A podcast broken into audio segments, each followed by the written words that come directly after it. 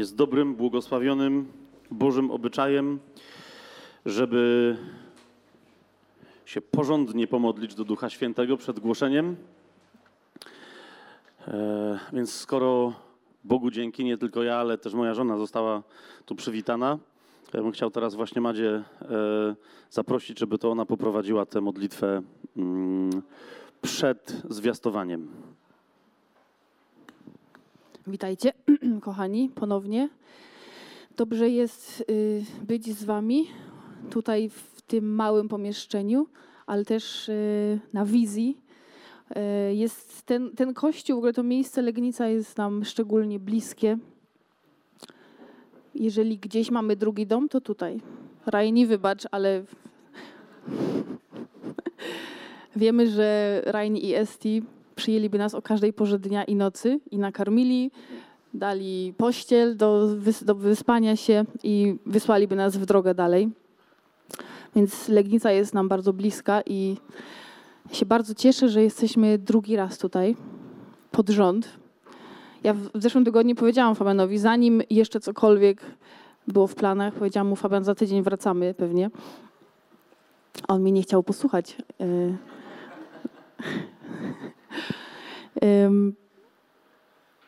Chcę się pomodlić. Ale zanim się pomodlę,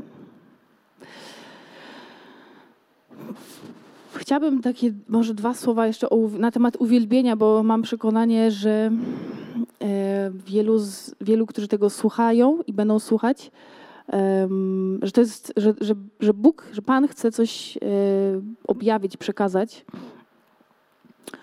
E, Jak się modlimy do Jezusa, jak go, jak go uwielbiamy, jak, jak stajemy przed Nim, e, wierzę, że Duch Święty teraz przekonuje Kościół o świętości Boga i o świętości tego, kiedy stajemy przed Nim, kiedy mówimy do Niego. E, Jest w psalmie napisane, nie pamiętam którym, że Panie, niech będą miłe słowa moich ust i rozmyślania mojego serca. I Ty, bracie siostro, ja, mnie to uderzyło i zastanowiłam się, Panie, czy rozmyślanie mojego serca jest Ci miłe, czy, czy jest to dla Ciebie dobre. E, I kiedy uwielbiamy naszego Pana, mm, stajemy przed Jego twarzą, przed Jego świętością, e, to chcę przeczytać z księgi Izajasza. Ostatnio się dzieliłam tym e, z pewną grupą, natomiast mam przekonanie, że, że, że Jezus chce, żeby uwielbiać Jego twarz, żeby, żeby uwielbiać Jego świętą twarz, ale też, żeby sobie zdać sprawę, co to znaczy. Chciałabym poprosić Esti. Mogę Cię prosić? Poczekasz mnie? Chcę coś zrobić, y, żeby uświadomić Ci, braci i siostro, i sobie, co to, bo my tak, jak stajemy do uwielbienia, to, to, to tak my mówimy, Panie, uwielbiam Cię, jesteś dobry, jesteś wielki. Myślimy wtedy nie wiadomo o czym, ale y, Bóg chce mieć swoją relację y, i stworzył Cię do relacji. I stworzył, i On Ciebie uwielbia i chce być uwielbiony. Więc chcę pokazać Wam na miastkę, na miasteczkę uwielbienia. Ja bardzo lubię Esti. Esti, masz taką piękną twarz. Jesteś piękną kobietą. Masz piękne rzęsy. Masz piękne włosy. Jesteś cudowną córką Boga. Twoja twarz świeci Jego świętością. Uwielbiam i podziwiam Twoje zaangażowanie w Kościół, Twoją opiekę nad dziećmi, to, jaka jesteś dobra, jakie masz serce dla brata i siostry, to, jak cudownie gotujesz, to, co wiesz, to, czym się dzielisz. Bardzo lubię z Tobą przybywać, lubię spędzać z Tobą czas. Jesteś naprawdę, picie z Tobą kawy jest naprawdę ubogacające.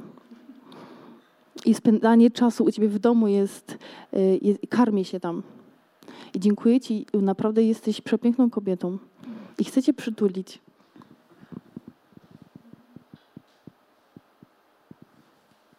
Dziękuję Ci.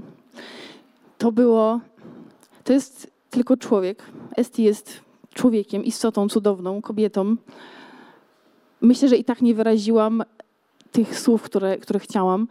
I teraz przeczytam Wam na temat twarzy Jezusa. 40, 50 rozdział Izajasza i zachęcam Cię, żebyś, kiedy będziesz się modlił, bracie i siostro, żebyś stanął przed tą twarzą. Tak jak ja powiedziałam Esti, jaka jest cudowna, jaka jest, jaka jest piękna, tak Ty stań przed Jezusem i, i powiedz Mu to, co masz w sercu. Izajasza 50 rozdział, szósty werset. Podałem moje plecy bijącym, a moje policzki rwącym mi brodę. Nie zakryłem mojej twarzy przed zniewagami i pluciem, bo Pan Bóg wspomoże mnie, dlatego nie będę zhańbiony. Dlatego uczyniłem swoją twarz jak krzemień i wiem, że nie będę zawstydzony. Kochani, na swojej modlitwie osobistej uwielbij umęczonego Jezusa wiedz, że On umarł i zmartwychwstał i oddał życie za Ciebie, oddał życie za Kościół.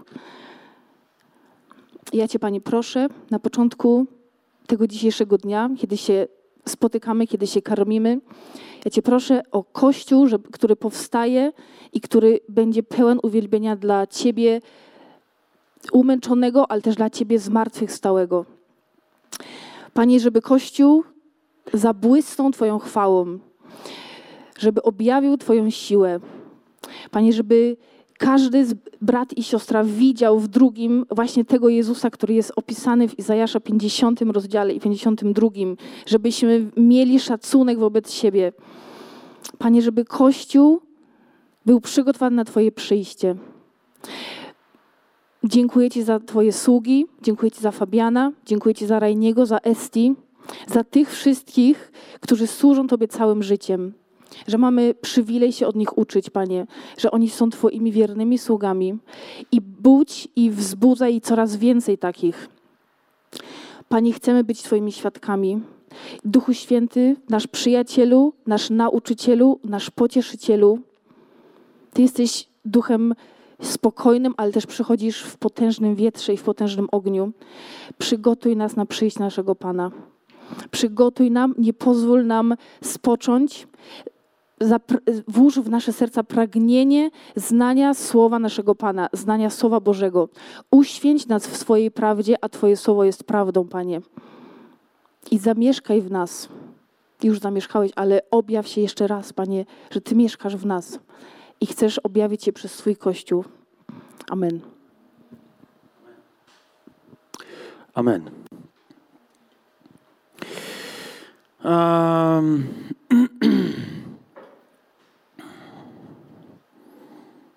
O, dziękuję, dziękuję. Ja zawsze potrzebuję mieć pulpit bardziej na płask, bo dużo przewracam kartkami. Hmm. Rzeczywiście, rzeczywiście, jak byliśmy tutaj w zeszłym tygodniu, to nie było żadnego planu, żeby być teraz, w kolejną niedzielę. E, ale w pewnym momencie, no właśnie, nie będę w to wchodził, bo to jest zupełnie inna historia, ale w pewnym momencie Rajni daje znać i mówi, to co, była część pierwsza? No teraz najwyraźniej czas na część drugą. Pomyślałem sobie zaraz, e, ale ja, jak ostatnio mówiłem w zeszłą niedzielę, to chyba nie miałem takiego założenia, że to jest część pierwsza. Więc nie mam żadnej części drugiej. e, i bardzo, bardzo powoli, bardzo powoli, bardzo powoli, ale zaczął do mnie docierać Boży głos, yy, że w zasadzie to była część pierwsza i trzeba słuchać proroków i pasterzy i apostołów i ewangelistów w kościele, nawet jak się jest nauczycielem, zwłaszcza jak się jest nauczycielem. Yy, I Pan mi jedną rzecz pokazał. Mianowicie, gdyby ta sytuacja, w której dzisiaj się znajdujemy, od jakichś dwóch miesięcy, wszędzie na świecie, gdyby ją sprowadzić do dwóch rzeczy, ja myślałem, dobra, może trzech, może pięciu, ale pan mi powiedział, nie, mówi, zobacz, to są tylko dwie rzeczy. To byłaby właśnie, jaka, o jakiej sytuacji mówię? Nie mówię o koronawirusie. Nie, nie mówię o epidemii, nie, nie mówię o tym. Mówię o kwarantannie. To o tym zjawisku mówię. Okay? Bo, bo y, na całej reszcie się nie znam. Ja, y, ja tylko wiem, że to, czego my wszyscy doświadczamy, to nie jest żadna epidemia i wirus, Bogu dzięki, tylko kwarantanna. To jest coś, co dotknęło Kościół wszędzie, czy prawie wszędzie na świecie. I teraz ostatnio mówiliśmy o śmierci. Ja jeszcze tylko troszeczkę dzisiaj do tego nawiążę, żeby przejść do dzisiejszego tematu i żeby pokazać tę drugą rzecz. no właśnie, pan, pan mi pokazał, mówi, zobacz, ja wykorzystuję tę sytuację, żeby skonfrontować mój lud jako lud i jako pojedynczych wierzących, pojedyncze moje dzieci, pojedyncze córki i synów. Na czym polega pojedyncza konfrontacja? Właśnie na tym, o czym mówiłem w zeszłym tygodniu. Ponieważ to, co ostateczne dla ludzi niewierzących, dla nas nie powinno być żadną ostatecznością, ale nadzieją bramy, nadzieją przejścia do tego, czego naprawdę oczekujemy. Śmierć. W liście do Hebrajczyków, jak go sobie otworzymy, zaraz na, nie, może nie zaraz na początku, ale prawie na początku, yy, znajdziemy yy, taki tekst. Więc jeżeli ktoś nie, nie słuchał tego, tego mojego nauczania z poprzedniego y, tygodnia, to może sobie odsłuchać, albo ma prawo też się przerazić i powiedzieć, dobra, nie w życiu. Natomiast de facto, gdybym miał streścić to, o czym mówiliśmy w zeszłym tygodniu, to jest list do Hebrajczyków, drugi rozdział, czternasty i piętnasty werset. Nie? Zobaczcie, co tam jest napisane. Ponieważ dzieci są uczestnikami ciała i krwi, on także stał się ich uczestnikiem. Kto? Tu jest mowa o Chrystusie. A więc Chrystus stał się, Słowo Boże, stał się Chrystusem wcielonym. Chrystus przedwieczny i który będzie istnieć na wieki, Boży pomazaniec, stał się człowiekiem, stał się uczestnikiem ciała i krwi. Po co? Po co? Oczywiście my możemy streszczać Jego misję w wielu różnych słowach, zdaniach, ale gdyby streszczyć ją w jednym zdaniu, to to jest jedno ze zdań, które streszcza całą Jego misję. Po co stał się uczestnikiem ciała i krwi? Po co między innymi przyszedł na ziemię? Aby przez śmierć zniszczyć tego, który miał władzę nad śmiercią, to jest diabła. Przez swoją śmierć zniszczył tego, który miał władzę nad śmiercią. Co to znaczy, że diabeł miał władzę nad śmiercią? Zobacz, 15 werset. Aby wyzwolić tych, którzy z powodu lęku przed śmiercią przez całe życie podlegali niewoli. To jest władza, którą diabeł ma nad ludźmi niewierzącymi. Mówi: umrzesz. Wszystko, czegokolwiek możesz tu doświadczyć, to jest wszystko. Potem umrzesz. Ja ci mogę przedłużyć życie albo mogę cię zabić. Co ty na to? Oddaj mi pokłon. To jest ostateczny strach, jaki może zaproponować diabeł i zasadniczo jest skuteczny. Ludzie z lęku przed Oczywiście czasem nie, nie, nie, nie, nie, nie z lęku. To nie, ja nie śmierdzę, ja nie myślę o tym. Ale to niekoniecznie musi być ta ostateczna, kompletna fizyczna śmierć. Chociaż wystarczy komuś przystawić pistolet do czoła. Tam zaraz pistolet. Jak ktoś leciał samolotem, nawet jeżeli w odróżnieniu ode mnie nie boicie się latać, to przy odpowiednio niespodziewanej turbulencji pobożność natychmiast wzrasta w samolocie.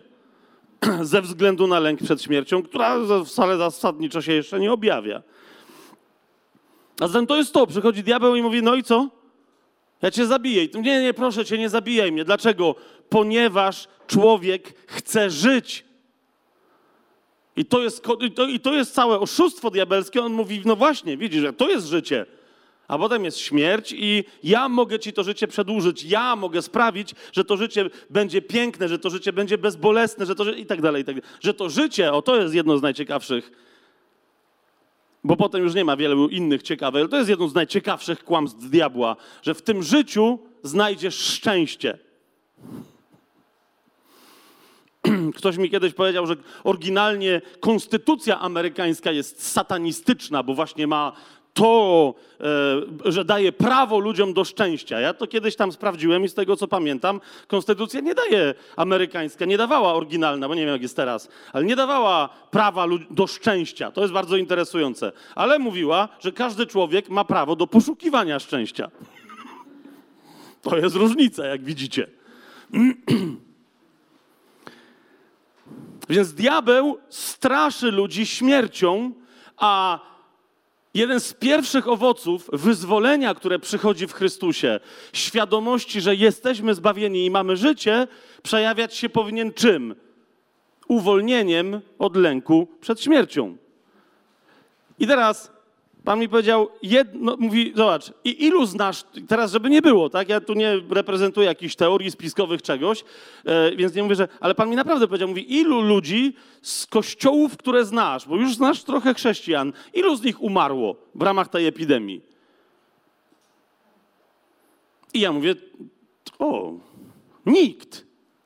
Jeden brat przysłał mi świadectwo yy, z Anglii, pozdrawiam. Nie będę mówił imienia, bo nie wiem, czy by chciał, żeby w ogóle je zdradzać, ale przysłał mi świadectwo, że zachorował na ten tam COVID-19, coś, coś nie, nie, nie, pisał dokładnie, ale mówi, że chce dać świadectwo dobroci Bożej, bo miał wiele innych problemów, te wiecie, które się mówi, że jeżeli ktoś zachorzeje na tego, w wyniku tego, tego wirusa i ma jeszcze tam te inne problemy, no to zasadniczo prawdopodobieństwo, że umrze jest wielkie. Ja mówi, Pan jest dobry, zachorowałem i wyzdrowiałem, halleluja. Ale to był jeden, tak, konkretny przypadek, no ale też nie umarł.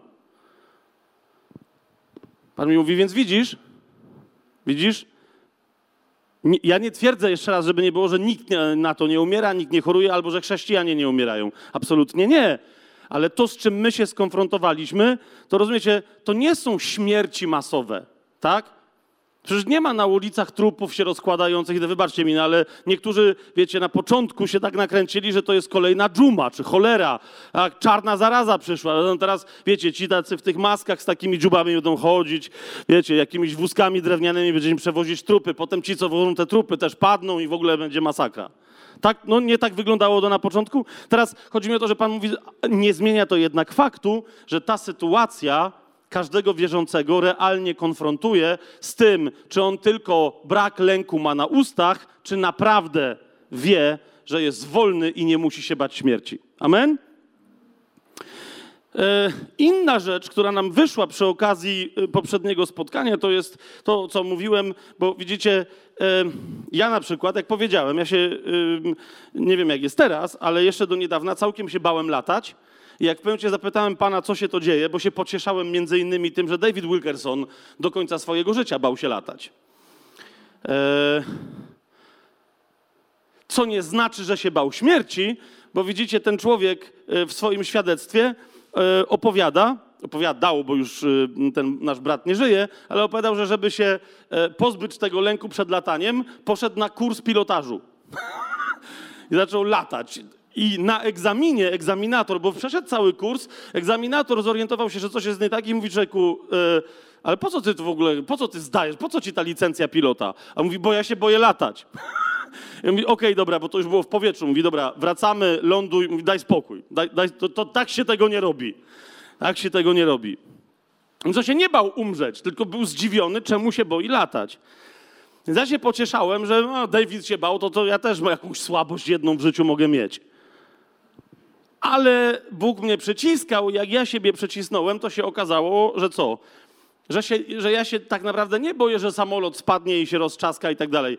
Tylko, że w momencie, kiedy jesteśmy bardzo wysoko, to to jest akurat dla mnie sytuacja, w której konfrontuję się z innego rodzaju lękiem. Nie, że umrę. Okay? Nie, nie z tym, ale z tym, który powinien poruszać serce wierzącego i serce wierzącej. Mianowicie, z czym stanę przed moim Panem? Z jaką miłością w oczach i z jaką miłością na rękach? W drugim liście do Koryntian, w piątym rozdziale, ja myślę, że wielu chrześcijan, rozumiecie, ten lęk dzisiaj, chciałem, żeby to, się, żeby to było jasne, zanim przejdziemy do dzisiejszego tematu, bo on będzie dla niektórych być może jeszcze bardziej hardkorowy niż tydzień temu. Więc myślę, że dla wielu chrześcijan ten lęk przed śmiercią tak naprawdę nie jest lękiem przed śmiercią, ale jest właśnie lękiem przed tym, co drugi list do Koryntian w piątym rozdziale nazywa Trybunałem Chrystusa. W tym drugim do Koryntian, piątym rozdziale, dziesiątym wersecie czytamy: Wszyscy bowiem I tu jest mowa o chrześcijanach, o nowonarodzonych osobach, o nawróconych osobach, nie o niewierzących, bo tu nie ma mowy o sądzie nad niewierzącymi. Grze, rozumiecie, niewierzący i niechże to stanie się raz na zawsze jasne. Jesteśmy po Nowym Przymierzu, po krzyżu, po wykonało się, po zmartwychwstaniu Pana. Jesteśmy w Nowym Przymierzu, po zawarciu Nowego Przymierza, w Nowym Przymierzu. Co oznacza, że wszyscy niewierzący mają tylko jeden grzech. Bóg im nie musi wymieniać 500 grzechów. Mają tylko jeden grzech. Jaki? Ten, o którym Pan Jezus w Ewangelii Jana mówi, że kiedy duch przyjdzie, to będzie przekonywać o grzechu, potem o sprawiedliwości i o sądzie. Jaki to jest grzech? Że nie wierzą we mnie, mówi Jezus. To jest tylko tyle. W Ewangelii Jana czytamy, Bóg tak umiłował świat, że Syna swego jednorodzonego. No, pamiętacie, wszyscy chrześcijanie to znają. Coraz mniej chrześcijan, im dalej idą te wersety, coraz mniej chrześcijan jest w stanie zacytować następne. Tak? 17, 18 i dalej. A tam mamy co napisane? Pan, Pan mówi tam, ja nie przyszedłem świata potępić, nie przyszedłem go stracić, ale przyszedłem go zbawić. Od czego? Od potępienia. Ja nie przyszedłem potępić. Dlaczego? Bo ten świat już jest potępiony. Czemu jest potępiony? Bo we mnie nie wierzy. Kto we mnie nie wierzy, już sam siebie potępił. Wierząc we mnie, może wyjść z tej przeklętej sytuacji, ponieważ nie ma żadnego innego wyjścia, bo tylko Jezus jest drogą wyjścia jedyną prawdziwą drogą, która prowadzi do prawdziwego życia. Ja jestem drogą, prawdą i życiem, powiedział. Amen? Więc, więc to, o czym mówi dziesiąty werset piątego rozdziału drugiego listu do Koryntian, odnosi się do wierzących. A mówi, wszyscy bowiem musimy stanąć przed Trybunałem Chrystusa, aby każdy otrzymał zapłatę za to, co czynił w ciele. A więc do momentu naszej fizycznej śmierci według tego, co czynił, czy dobro, czy zło. Zaraz się do tego odniósł, ale zobaczcie początek 11 wersetu. Paweł komentuje Paweł. Paweł, który jest śmiały, odważny i niczego się nie boi. Paweł mówi, wiedząc za tym, o tym strachu pańskim przekonujemy ludzi albo napominamy ludzi. Którym strachu pańskim? O tym, że staniemy na trybunale Chrystusa. Dlaczego to jest strach pański? On nie mówi, że y, wiedząc o tym terrorze, nie, to jest strach pański, ponieważ bojaźń pańska polega na miłości. Na tym, że on mnie umiłował, a ja jego. Ale miłość wyraża się nie w słowach i nie na języku, jak, jak Jan pisze w swoim pierwszym liście, ale w prawdzie i w uczynkach. I dlatego on mówi, to jest to, że nam łatwo jest komuś powiedzieć, kocham cię. Ale teraz, jakby Jakub zapytał, pokaż mi swoje uczynki. I ja ci powiem, jaka jest Twoja wiara i jaka jest miłość, która działa przez tę wiarę. Bardzo łatwo jest stać i śpiewać, i mówię teraz, nie, nie odnoszę się do tego, że myśmy tu stali i śpiewali. Nie zmienia to jednak faktu, że łatwo jest tu stać i śpiewać, o Jezu, kochamy Cię, halleluja. Wiecie, o co mi chodzi? Jeszcze raz, ja wierzę, jestem przekonany, sam w tym uczestniczę, tak? Że, że, że to było autentyczne, co my tu robiliśmy i, i co jeszcze będziemy robić ale jest znacznie łatwiej robić to, niż potem w praktyce miłować. Brata, o którym wiesz, że cię oczernia, ale na zewnątrz w kościele się objawia jako stokroć większy świętoszek niż ty. Siostrę, która wiesz, że okradła dokładnie tego brata i dlatego on uważa, że jest usprawiedliwiony, że rozlewa gorycz wszędzie, no bo przecież mógłby odejść z kościoła ale nie odchodzi, ale musi swoje powiedzieć, bo jeżeli ona kradnie, to wszyscy inni też kradną i tak dalej, i tak dalej. Przecież wiecie, o czym mówię. Wtedy bardzo łatwo jest stać i mówić, Panie, Tobie oddaję chwałę, ale tym szmaciarzom, o...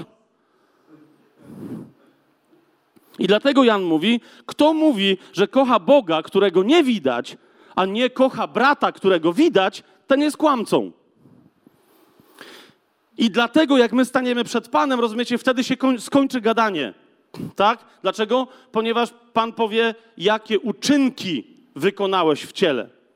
Dobre i złe. Ze złymi sobie można poradzić tak, że w zasadzie ich na tym trybunale może nie być, więc nie to jest problemem. Chociaż, wiecie, mnie to naprawdę zdumiewa, jak czasem chrześcijanie najbardziej się tego boją Czyli jednak złe uczynki też będziemy rozważać. Człowieku, wyobraź sobie, że nie, nie, żadnego. Jest jeden bardzo prosty sposób uwolnienia się od obciążenia na Trybunale Chrystusa od złych uczynków.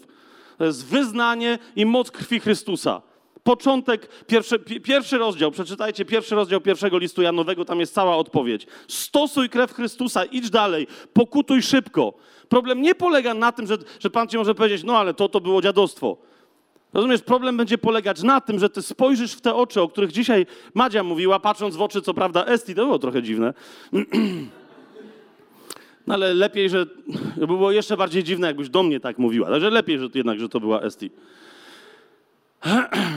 Więc, rozumiesz, spojrzysz w te oczy, spojrzysz w to oblicze, to jest oblicze, rozumiesz, Pan z jakiegoś powodu bardzo głębokiego i mądrego, i duch nam objawia dlaczego, Pan z bardzo konkretnego powodu postanowił, że zostawia sobie przebite ręce, przebite nogi i przebity bok. Rozumiesz? I my patrząc na niego będziemy widzieć te przebite ręce, przebite nogi i ten przebity bok. Będzie, rozumiesz, będziemy mogli go dotknąć, ale będziemy też patrzeć na to oblicze, które się nie wahało, które dla mnie i dla ciebie stało się jak krzemień, kiedy opluwali, kiedy wyśmiewali, kiedy bili. Słowo Boże nie w Nowym Testamencie, to podkreślam, ale Słowo Boże mówi wyraźnie, ponieważ bardzo wiele ze świadectw na temat męczeństwa i śmierci odkupieńczej Chrystusa, wiele świadectw i opisów na temat szczegółów tej śmierci znajdziemy proroczo zapisanych w Starym Testamencie. I Stary Testament mówi, że Jezus nie tylko był opluwany, nie tylko był bity po twarzy rękami, ale że był bity po twarzy pałką. I on się, rozumiesz, nie uchylił. Dlaczego? Ponieważ powiedział: Przyjmę to za nich. I, I rozumiesz, ja spojrzę kiedyś w to oblicze, któremu wyśpiewywałem, mój umiłowany, tylko Ty jesteś Panem, Jezu, Panuj w całym życiu mym. Pan mi powie, mówiłeś do mnie, Panie, Panie. A co z tego było sprawiedliwością? Później w Twoim życiu, konkretnie, dzień po dniu, godzina po godzinie, co z tego było sprawiedliwością? Jak to się przemieniło w słuchanie mojego głosu, kiedy nie było akurat nabożeństwa, kiedy nie byłeś akurat na swojej osobistej modlitwie w komorze, ale w Twoim życiu? I teraz Pan powie, dobra, jest tego, trochę tego policzyłem i mi pokaże złoty pył. Mówi, zobacz, jest garstka. W tym kontekście właśnie potrzebujemy sobie przypomnieć przy, nie tylko przypowieść o pannach głupich i mądrych, ale niektórzy w ogóle staną na tym trybunale i stwierdzą, bo Pan Jezus powie, tu mam dla ciebie nagrodę, ale weź przyświeć. A panna głupia powie, ale właśnie mi się yy, oliwa skończyła. Mogłabym na chwilę skoczyć, załatwię i wrócę. I mówi, nie. Tu właśnie w tym momencie potrzebujemy sobie przypomnieć przypowieść o zaproszonych na wesele. Pamiętacie? Wszyscy dostali szaty. Dlaczego? Bo byli szmaciarzami. Dokładnie. Tak jak ty i ja. Dokładnie szmaciarzami zaproszonymi z ulicy. Ubogimi, mentalnie, fizycznie, chorymi, grzesznikami byli. Wszyscy dostali szaty. I dlatego jednego z nich, który nagle, rozumiecie, przy wejściu na wesele dostał szatę, a potem gdzieś ją posiał. Może gdzieś po drodze ją sprzedał albo uznał, te, moje futro jest lepsze. Całe życie w nim chodziłem. Wchodzi pan młody i mówi, gościu, bo jesteś gościem, skoro jesteś zaproszony. No, jestem gościem. To gdzie masz ubranie? I tyle. Nara. Do widzenia. Potem się spotkamy, ale wesele jest nie dla ciebie. Tu dokładnie sobie potrzebujemy przypomnieć przypowieści, ja tego dzisiaj nie będę robił. Tu dokładnie sobie potrzebujemy przypomnieć przypowieści o talentach i o minach. Rozumiesz? ponieważ mamy mnóstwo dzisiaj głoszenia w kościele łaski, która koniec końców okazuje się głoszeniem pod tytułem Pan nie tylko spłacił nasz dług i wyprowadził nas na zero, nas na zero, ale jeszcze wiele nam dał. I mówimy halleluja, przyjmuję to. I potem co robimy? Potem przejadamy to, co On nam dał. A On mówi, ja w pewnym momencie przyjdę i przypowieść nawet nam nie opowiada o żadnym słudze, który dostał talent i go przejadł. Opowiada tylko o słudze, który zachował ten talent, nic z niego nie stracił. I co mu Pan powiedział? Sługo zły i leniwy, bo to znaczy gnuśny. Każdy z nas w różnej mierze, jak o tym Paweł na przykład w 12 rozdziale listu do Rzymian mówi, każdy z nas w, w różnej mierze otrzymał to samo, a więc dar wiary, która ma działać przez miłość w tym życiu i wyrażać się złotem, srebrem i drogimi kamieniami naszych uczynków. Uczynków. Jezus mówi, deklaracje wasze to jest wszystko super. Ale zauważ, w każdym liście do kościołów Jezus mówi: Znam Twoje uczynki. Znam Twoje uczynki. I znowu mówi: Znam Twoje uczynki. A ten kościół mówi: Ale słyszałeś, panie, jakie mamy uwielbienie profesjonalne? Co wyznajemy, kiedy wy. Pan mówi: Znam, ale znam Twoje uczynki. Znam Twoje uczynki. I dlatego, i dlatego każdy otrzyma zapłatę za to, co czynił w ciele, według tego, co czynił dobro czy zło. Oczywiście ja to rozumiem świetnie, że nam nie pasuje, nam zgrzyta bardzo to nauczanie o uczynkach. Dlaczego? No bo przecież łaska. Bo przecież łaska. Bo w Nowym Przymierzu to byłoby co? Dlaczego? My mamy się teraz spinać i otóż, kochani, gdy idzie o pozyskanie zbawienia, nie możemy niczego zrobić. Po prostu. I to jest łaska. Ale w momencie, kiedy otrzymujemy za darmo łaskę zbawienia, łaska dalej robi coś. Łaska dalej robi coś. I teraz, jak ktoś do mnie przychodzi i mówi: Ja teraz jestem zbawiony i łaska pozwala mi już nic więcej nie robić. Kiedyś byłem świadkiem takiej rozmowy, to było wstrząsające. Jeden ewangelista głosił niewierzącemu zupełnie, bardzo bogatemu e, człowiekowi i mówił, i mówi, dobra, mówi, no i nawrócę się i teraz co ja z tego będę miał? I mówi, człowieku, od tej pory masz spokój. Bóg ci błogosławi, a ty nawet jak będziesz grzeszył, po prostu mówisz, od tej pory masz spokój, jesteś zbawiony, idziesz do nieba. I on mówi, w niebo nie wierzę, więc to mnie nie interesuje, a ja teraz bez łaski, jak grzeszę, też mam spokój. Więc mówi, mam przyjmować Jezusa, żebym w zas... I mówi, mam, mam pobłog... nie wiem, kto mi błogosławi, ale mi błogosławi, mam kasy więcej jak ty. Czyli mówi, łaska w moim życiu nic nie zmieni, z wyjątkiem tego, że pójdę do jakiegoś nieba, które ty mi głosisz, mówi, ale tu... Nie. Więc teraz, teraz chcę wam coś przeczytać. Jeszcze mówię raz, zanim pójdziemy dalej, bo to nam połączy temat z poprzedniego tygodnia z tym. Otóż w liście do Tytusa znajdujemy, e, przynajmniej ja znajduję, mam nadzieję, że razem e, też znajdziemy, e, według mnie jedną, jest parę w Biblii definicji tego, czym jest Kościół. Natomiast ta definicja mówi o Kościele, a więc o życiu Twoim, moim i naszym jako społeczności z punktu widzenia łaski właśnie. A więc mówi, po czym Kościół ma poznać, że jest pod łaską. I dlatego ja zawsze mówię, ja głoszę hiperłaskę. ja głoszę hiperłaskę, ale według tego słowa, które teraz przeczytam. Po czym, po czym ty masz poznać, że masz łaskę? Moja odpowiedź brzmi, po tym, że możesz zacząć żyć życiem, do którego normalnie fizycznie nie byłabyś w stanie nawet podejść, nie byłbyś w stanie go udźwignąć. Że możesz zacząć w swoim życiu demonstrować uczynki, których w życiu, w starym życiu, rozumiesz, przez myśl by ci nawet nie przeszły. To jest łaska. Rozumiecie, o co mi chodzi? To jest łaska. Staję przed ludźmi i nie umiem gadać. Przychodzi łaska i daje mi mówić. Tak? Staję przed człowiekiem, ktoś, kto prorokuje, i teraz rozumiesz, pierwszy raz na oczy go widzi, a łaska, duch działający przychodzi i mówi: Ta osoba ma problem z takim i takim grzechem. Co więcej, mówi: Ale nie ujawniaj tego grzechu, ale przemów do tej osoby w taki sposób, bo ona wtedy doświadczy miłości i będzie miała nadzieję na przebaczenie. Rozumiesz o co mi chodzi?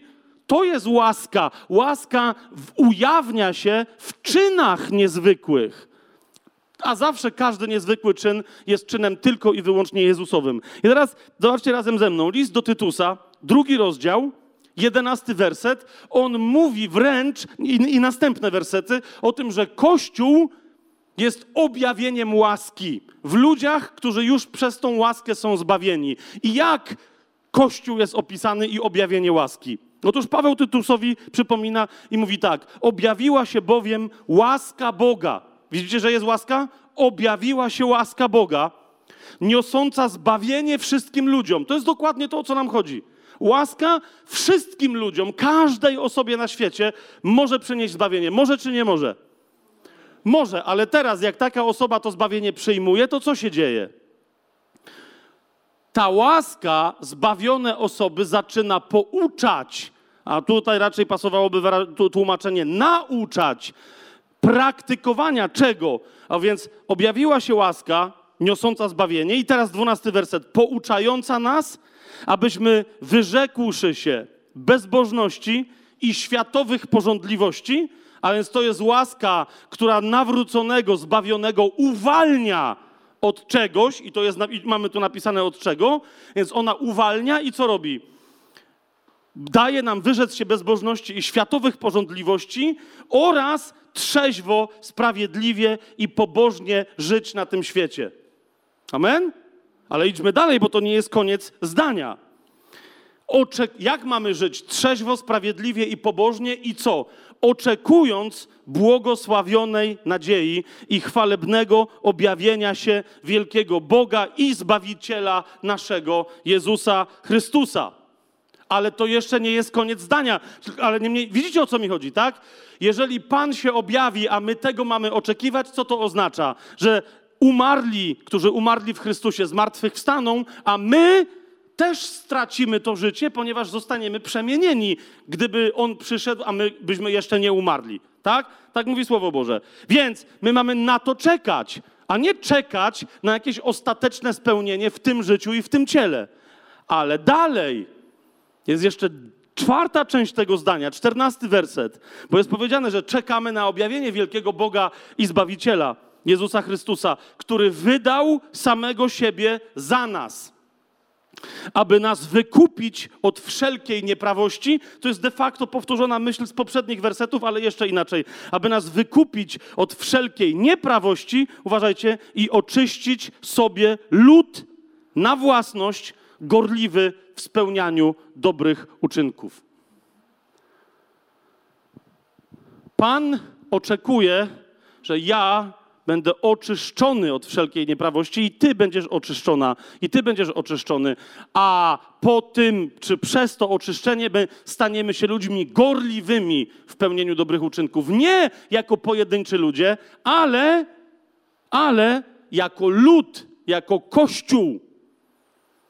Powoli się zbliżamy, być może już niektórym z was zaczyna świtać, aha, będziemy, aha, aha, ponieważ chcę powiedzieć, że jak sobie zaraz jeszcze wyjaśnimy, co to są te dobre uczynki, bo, bo, bo, bo jeżeli nam temat dobrych uczynków zgrzyta, to myślę, że tylko i wyłącznie dlatego, że chrześcijanie nie bardzo rozumieją, co to są dobre uczynki i mają wyobrażenie religijne na ich temat. Ale to jest niezwykle, tu już mamy, ok, więc Pan chce mieć lud gorliwy, nie mnie, człowieka, ale lud gorliwy w pełnieniu dobrych uczynków. I uważajcie,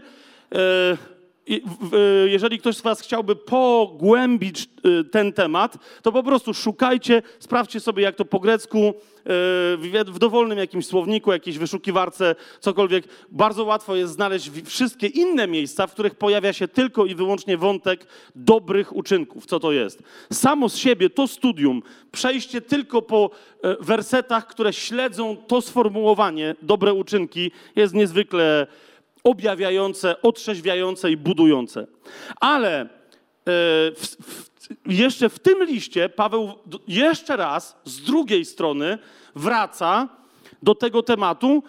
Mnie się osobiście to bardzo podoba, ponieważ nie tylko, że wraca posługując się słowem łaska, ale wraca posługując się słowem dziedzictwo i nas nazywając dziedzicami. A więc odnosząc się do tego, co um, od wielu lat e, było prawdą, a potem stało się modą w Kościele, a więc nauczania na temat tożsamości w Chrystusie. Otóż w trzecim rozdziale Yy, jeszcze raz dosłownie Paweł jakby chciał powiedzieć Tytusowi, zrozum, że mnie dobrze. Więc w drugim rozdziale zaczyna od sformułowania objawiła się łaska, a w trzecim rozdziale, w czwartym wersecie to samo mówi w w następujący sposób. Objawiła się, gdy objawiła się dobroć i miłość Boga. Jest to związane z łaską? No amen. Nie będziemy teraz oczywistych rzeczy wyjaśniać, tak? Gdy objawiła się dobroć i miłość Boga naszego Zbawiciela względem ludzi.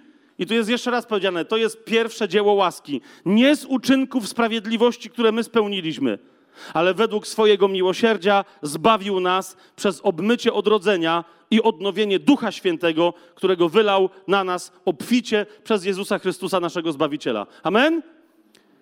Ta, to działanie łaski, która przychodzi do grzesznika i rodzi go na nowo jako dziecko Boże, jest, jest, jest działaniem, które kompletnie nie tylko nie potrzebuje uczynków ludzkich, ale je wręcz niweluje, kompletnie kasuje cokolwiek grzesznik robił w swoim życiu, bo ten grzesznik mógł być całkiem pobożnym buddystą albo katolikiem. Rozumiecie o co mi chodzi?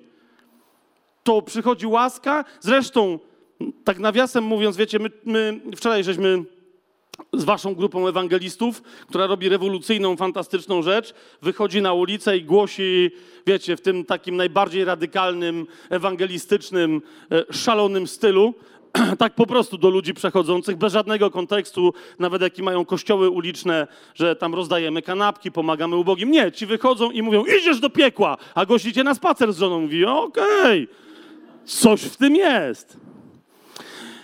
Otóż problem nasz, kiedy głosimy Ewangelię, polega na czym, że my próbujemy ludziom uzasadnić ich dotychczasowe dobre uczynki. A, a, a, a, właśnie problem pierwszy z odrzuceniem dobrej nowiny polega na tym, że ludzie mówią, czyli zaraz wszystko to, co do tej pory zrobiłem, każda z rzeczy, które zrobiłem, dawałem na bied, dawałem na Wielką Orkiestrę Świątecznej Pomocy co roku. Człowieku, dzieci przeze mnie są ratowane i tak dalej, a ty mówisz, okej, okay, ale za to wszystko nie zbliżysz się do Boga. Rozumiesz? Wszystkie twoje uczynki są jak splugawiona szmata.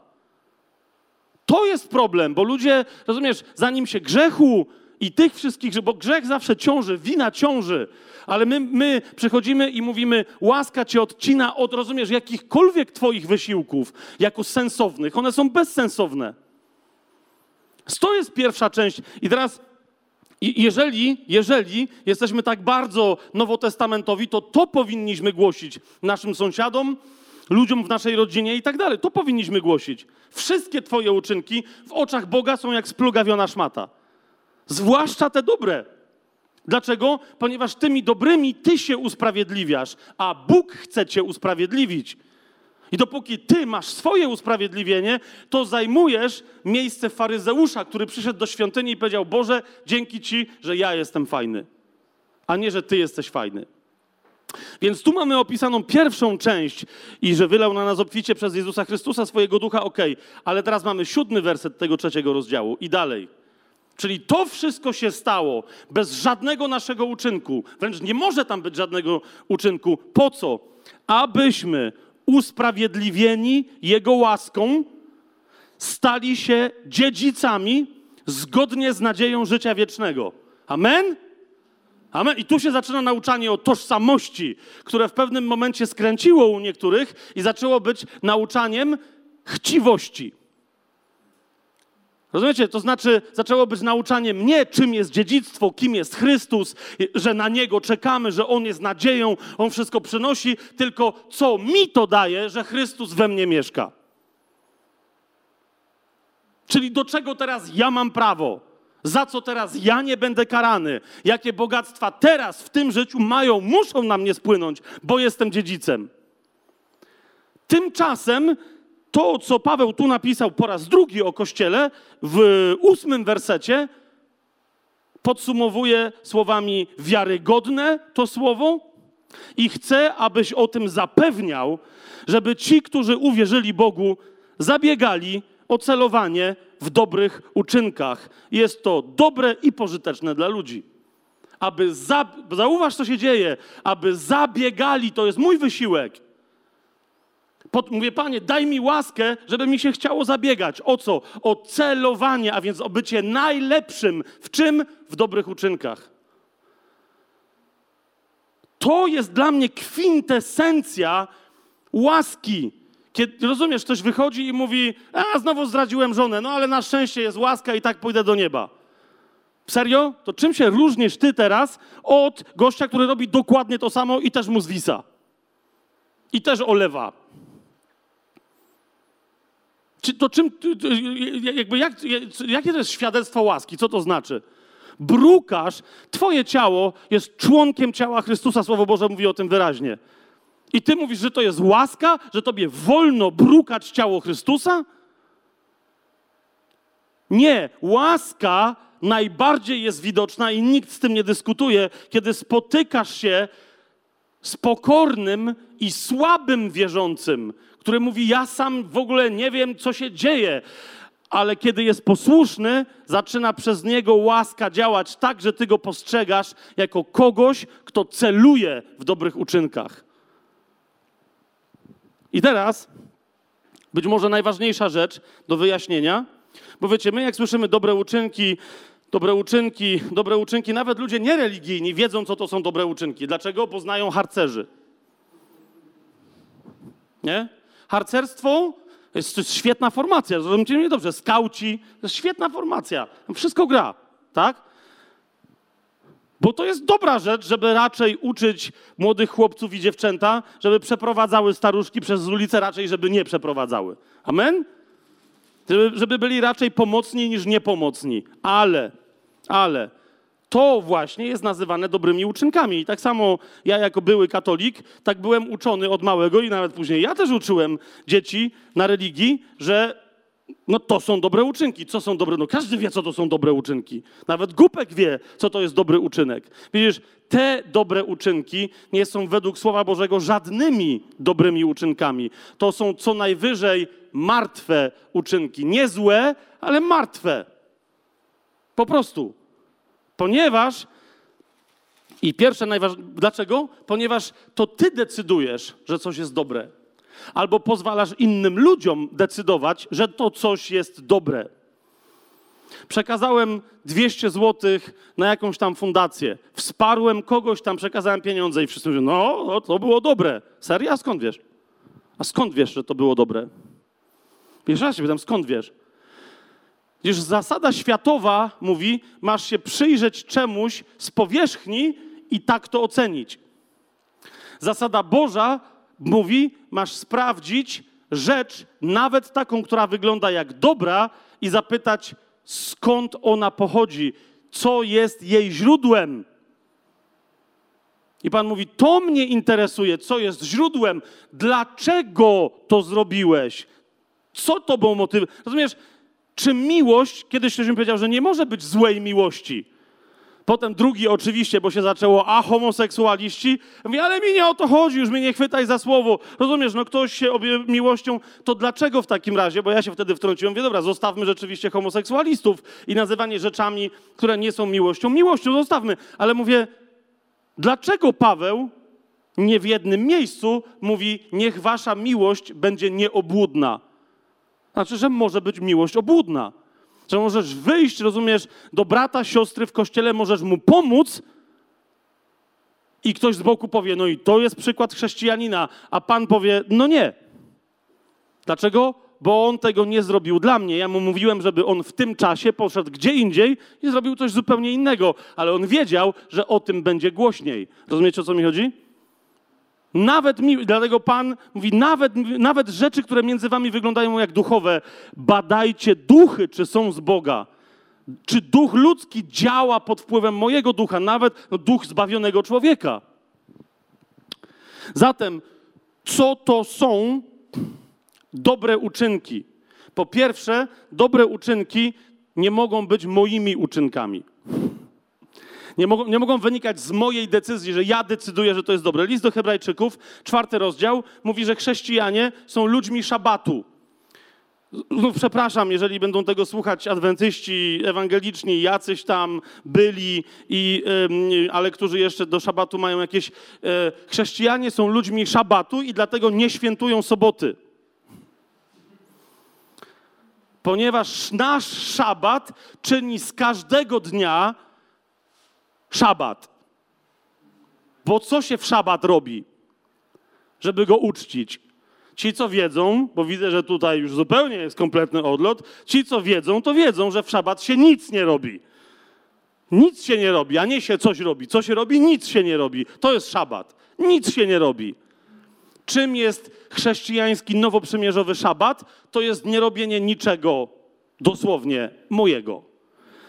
czwarty rozdział listu do Hebrajczyków, dziesiąty werset, powiada: Kto bowiem wszedł do jego odpoczynku, on także odpoczął od swoich czynów, tak jak Bóg odpoczął od swoich. A więc człowiek, który wchodzi do Bożego odpoczynku pod Nowym Przymierzem przez świętą, drogocenną krew niepokalanego baranka, Jezusa, ten co robi? Odpoczywa od swoich uczynków. Czy to znaczy w związku z tym, że no to czyli trzeba być jednak bezczynnym? No nie, nie, bo odpoczywając od swoich uczynków, zaczynam odpoczywać w Jego uczynkach. I, i mówię, to mógłbym wiele wersetów przywołać, ale tylko jeden y, taki, bo, bo, nie mamy czasu. Y, na jeden się powołam, który mi się wydaje tu najbardziej w tym momencie adekwatny. To jest Księga Objawienia, drugi rozdział. 26 werset. Pan Jezus zwycięzcę nazywa, bo, bo tam jest wiele opisów, nagrody dla zwycięzcy, ale też kto to w ogóle jest zwycięzca? I Pan Jezus mówi tak: Temu, kto zwycięży, drugi rozdział objawienia, 26 werset, temu, kto zwycięży i zachowa aż do końca czyje uczynki? Moje uczynki, mówi Jezus. Temu, kto zwycięży i zachowa aż do końca moje uczynki, dam władzę nad narodami. Teraz wiecie, nie, nie, będę nawet dalej tego roz, rozważał, ale bywa, że czasem ktoś przychodzi, zresztą cenię to, bo jak ktoś nie wie, to lepiej, żeby się spytał, niż żeby udawał, że wie. Niemniej nadal jestem trochę zdziwiony, bo mamy niezwykle, wiecie, skomplikowane bywa po kościołach nauczania, programy, uczniostwo. Po czym ja mówię, uczynki dobre to są uczynki Jezusowe, a nie moje. I ktoś przychodzi i mówi, dalej nie wiem, co to znaczy. Dlaczego jestem zdziwiony? Ponieważ jesteśmy łaską zbawieni przez wiarę. Kto w swoim sercu uwierzy, że Bóg Jezusa wskrzesił z martwych, będzie zbawiony. Tak? Nie, jeszcze musi wyznać ustami, co? Że Jezus jest Panem. Teraz moje pytanie brzmi: czy on to ma zrobić jako religijny ornament, żeby dopiąć religijnego obrzędu, że na przykład mógłby powiedzieć abracadabra, ale chrześcijanie mówią, nie, nie, bo to wiesz, my jesteśmy, musi być, że Jezus, no nie, że Jezus jest Panem. No okej, no to Jezus jest Panem. Czyli, rozumiesz, to było właściwe wyznanie. Co to znaczy, że Jezus jest Panem? Że nie ja jestem Panem. Jeżeli Jezus jest Panem i ja to wyznaję, to znaczy, że Jezus jest czyim Panem? Że jest moim Panem. Jeżeli ja mam Pana i nie ja nim jestem, to co to znaczy? Że się go pytam, co mam robić. I jak Pan mówi, teraz odpocznij, jak często mówił, bo niektórym się wydaje, że Jezus jest dziwnym Panem i każe tylko robić, robić, robić, robić. Znaczy, że w Ewangeliach jest napisane, jak, jak uczniowie chcieli zostać, bo już im się fajnie usługiwało w jednym mieście, Jezus mówi, nie, wychodzimy, bo jeszcze musimy odwiedzić inne miejsca. Ale znowu, jak się chcieli rozpędzać, mówi, to lecimy dalej. On mówi, nie, pójdźcie wy sami osobno, odpocznijcie nieco. Więc Pan ci powie, kiedy masz odpocząć, i Pan ci powie, kiedy mówi, jeszcze nie, jeszcze troszkę się wysil. W momencie, kiedy ty mówisz, Panie, ja, ja wiem, ale ja tymczasem mam tu swoją koncepcję, no to właśnie, to zaczynasz wchodzić w martwe uczynki, które nie są dobrymi uczynkami. Dlaczego? Bo nie wynikają z posłuszeństwa. I teraz docieram, docieram do. Uda mi się to? No, może mi się uda. Docieram do drugiego tematu, który, jak sądzę, e, Pan nam dał w ramach kwarantanny. Jedno to była konfrontacja nasza ze śmiercią, żebyśmy zobaczyli, czy my się boimy śmierci, czy też może się boimy Trybunału Chrystusa. Ale uważajcie teraz druga rzecz. Kiedy, kiedy jesteśmy z tym skonfrontowani, się pytamy, OK, w takim razie, panie, co to są uczynki? Zwłaszcza, że tu chodzi o to, że lud jego ma wykonywać dobre uczynki, tak? My dla siebie, na przykład dobrym uczynkiem jest moje zachęcenie Ciebie do tego, żeby być posłusznym woli Bożej. Jeżeli mnie się uda dzisiaj zachęcić Ciebie do tego, żeby zamiast tracić jakąś jedną godzinę w Twoim życiu, żeby się Tobie udało ją odkupić zgodnie ze Słowem Bożym i wypełnić w ramach tej godziny wolę Ojca wyrażoną w Słowie Jezusa, to rozumiesz, mi to zostanie policzone, jeżeli przeze mnie Duch zadziałał, wpłynął na Ciebie. Dlaczego? Ponieważ zachęcanie innych, inspirowanie, na przykład swoim przykładem do tego, żeby byli wierni słowom Chrystusa, do pełnienia woli Bożej, jest już dobrym uczynkiem, jest już pełnieniem woli Bożej. Amen? I teraz, i teraz, i teraz No bo wiecie, kwarantanna, po co? No, y, idea była taka, no żebyście się nie, poza, nie porażali, żeby nie pozarażali, żebyście nie poumierali. Więc to nas skonfrontowało, przynajmniej wielu, z tematem, czy ja się boję śmierci. Ale druga rzecz, która się wydarzyła, i to mi dzisiaj Pan mi bardzo mocno pokazuje, bo, bo jak się go pytam, to jest jaka druga część, a Pan mi mówi, no to co, ja, co, co, co się jeszcze zmieniło w Kościele? Oprócz tego, że wielu chrześcijan krzyczących Halleluja, mam uzdrowienie, życie wieczne w Chrystusie, nagle się okazało, że, że się z nimi witam. Ja mówię, nie, nie, wiesz co, bo jest kwarantanna, musimy być posłuszni. Czemu? Okej, okay, no dobra, nie witam się. Ale, ale... No więc mówię, panie, no to to jest jasne, tak? Niektórzy się skonfrontowali, nie chcą się spotkać z nikim, bo się boją, że umrą. Ale z czym nas jeszcze skonfrontowałeś, panie? A pan mówi, a kiedy ostatnio byłeś w kościele? No akurat ja akurat byłem tutaj, no nie, ale chodzi mi o to, że my, a wiem o co chodzi. Wiem o co chodzi. I Pan mi powiedział, skonfrontowałem mój kościół z tym, jak mnie obrażają na nabożeństwach. Z tym, jak mnie obrażają na spotkaniach domowych. Z tym, jak mnie obrażają, kiedy się gromadzą. Mówi, ja im dałem w łasce ciało, którego przejawem jest eklesja, zgromadzenie. I mówi, gromadzą się po to, żeby mi bluźnić.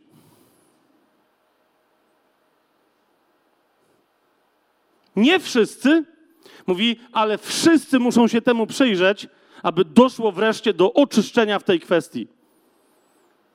Ja wiem, Legnica akurat słucha proroka Reinharda Hirtlera. Niekoniecznie mówię, że się zgadza, no ale musi regularnie go słuchać, tak? Na kolejnych follow-upach chociażby. I Reinhard mówi rzeczy typu: Wielu chrześcijan najwięcej grzeszy, jak się modli. Niektórzy do dzisiaj się drapią po głowie, jakżeż to? Dlaczego? No właśnie dlatego, bo uważają, że każda modlitwa z natury jest dobra. Ale jak Pan ci mówi, teraz się zajmij dzieckiem, bo cię potrzebuje, a ty mówisz, nie, bo to jest moja godzina komory, rozumiesz o co mi chodzi? To jest martwy uczynek, to nie jest dobra, ponieważ modlitwa nie zawsze jest dobra. W momencie, kiedy się modlisz niezgodnie ze Słowem Bożym, na przykład, kiedy jako chrześcijanin modlisz się o pokój, nawet nie będę mówić, w którym miejscu Słowo Boże mówi wyraźnie, że nie mamy się modlić o pokój. Jeżeli chrześcijanowi, chrześcijanin, chrześcijance albo chrześcijaninowi brakuje pokoju, to ma zrobić konkretną rzecz, ale nie ma się modlić o pokój, bo on już ma pokój. Jeżeli go nie doświadcza, to jest inny problem. Problemem nie jest, że on go nie ma i musi go znowu wyprosić. Jest inny problem.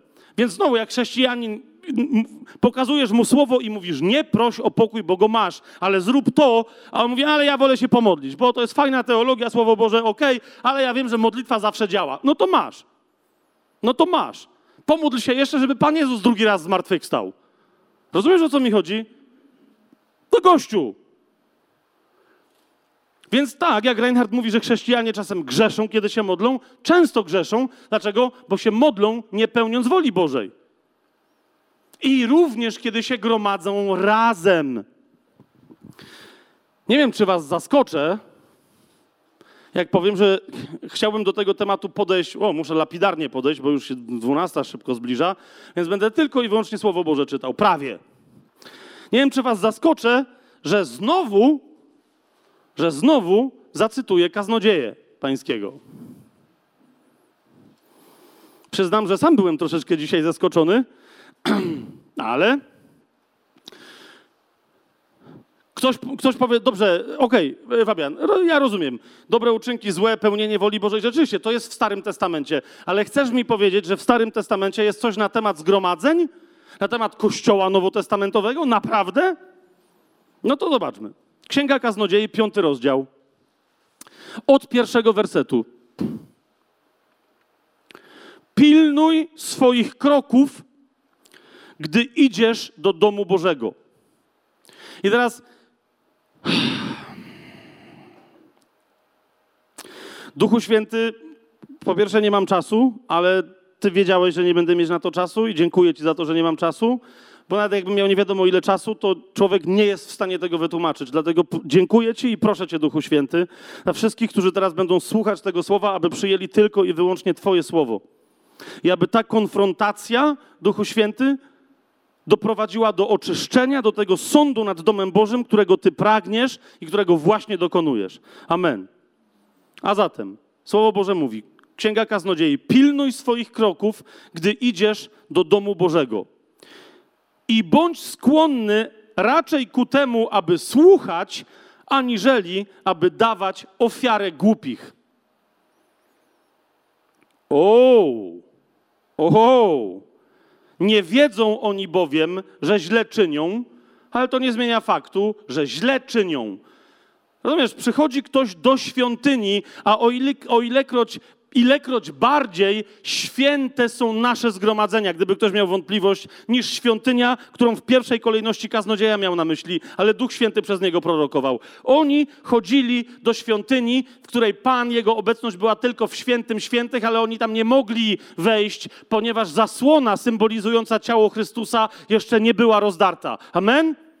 Więc mogli się zbliżać co najwyżej do świętego świętych. My, Pan Jezus powiedział o sobie, spójrzcie tutaj, tu jest coś więcej niż świątynia, tu jest coś więcej niż przybytek Boży. A nam powiedział, gdzie dwie albo trzy osoby się gromadzą w moje imię, tam ja jestem pośród nich. Nie za zasłoną, nie za, za, nie za drzwiami, ja jestem pośród nich i my też wiemy, że On jest w nas.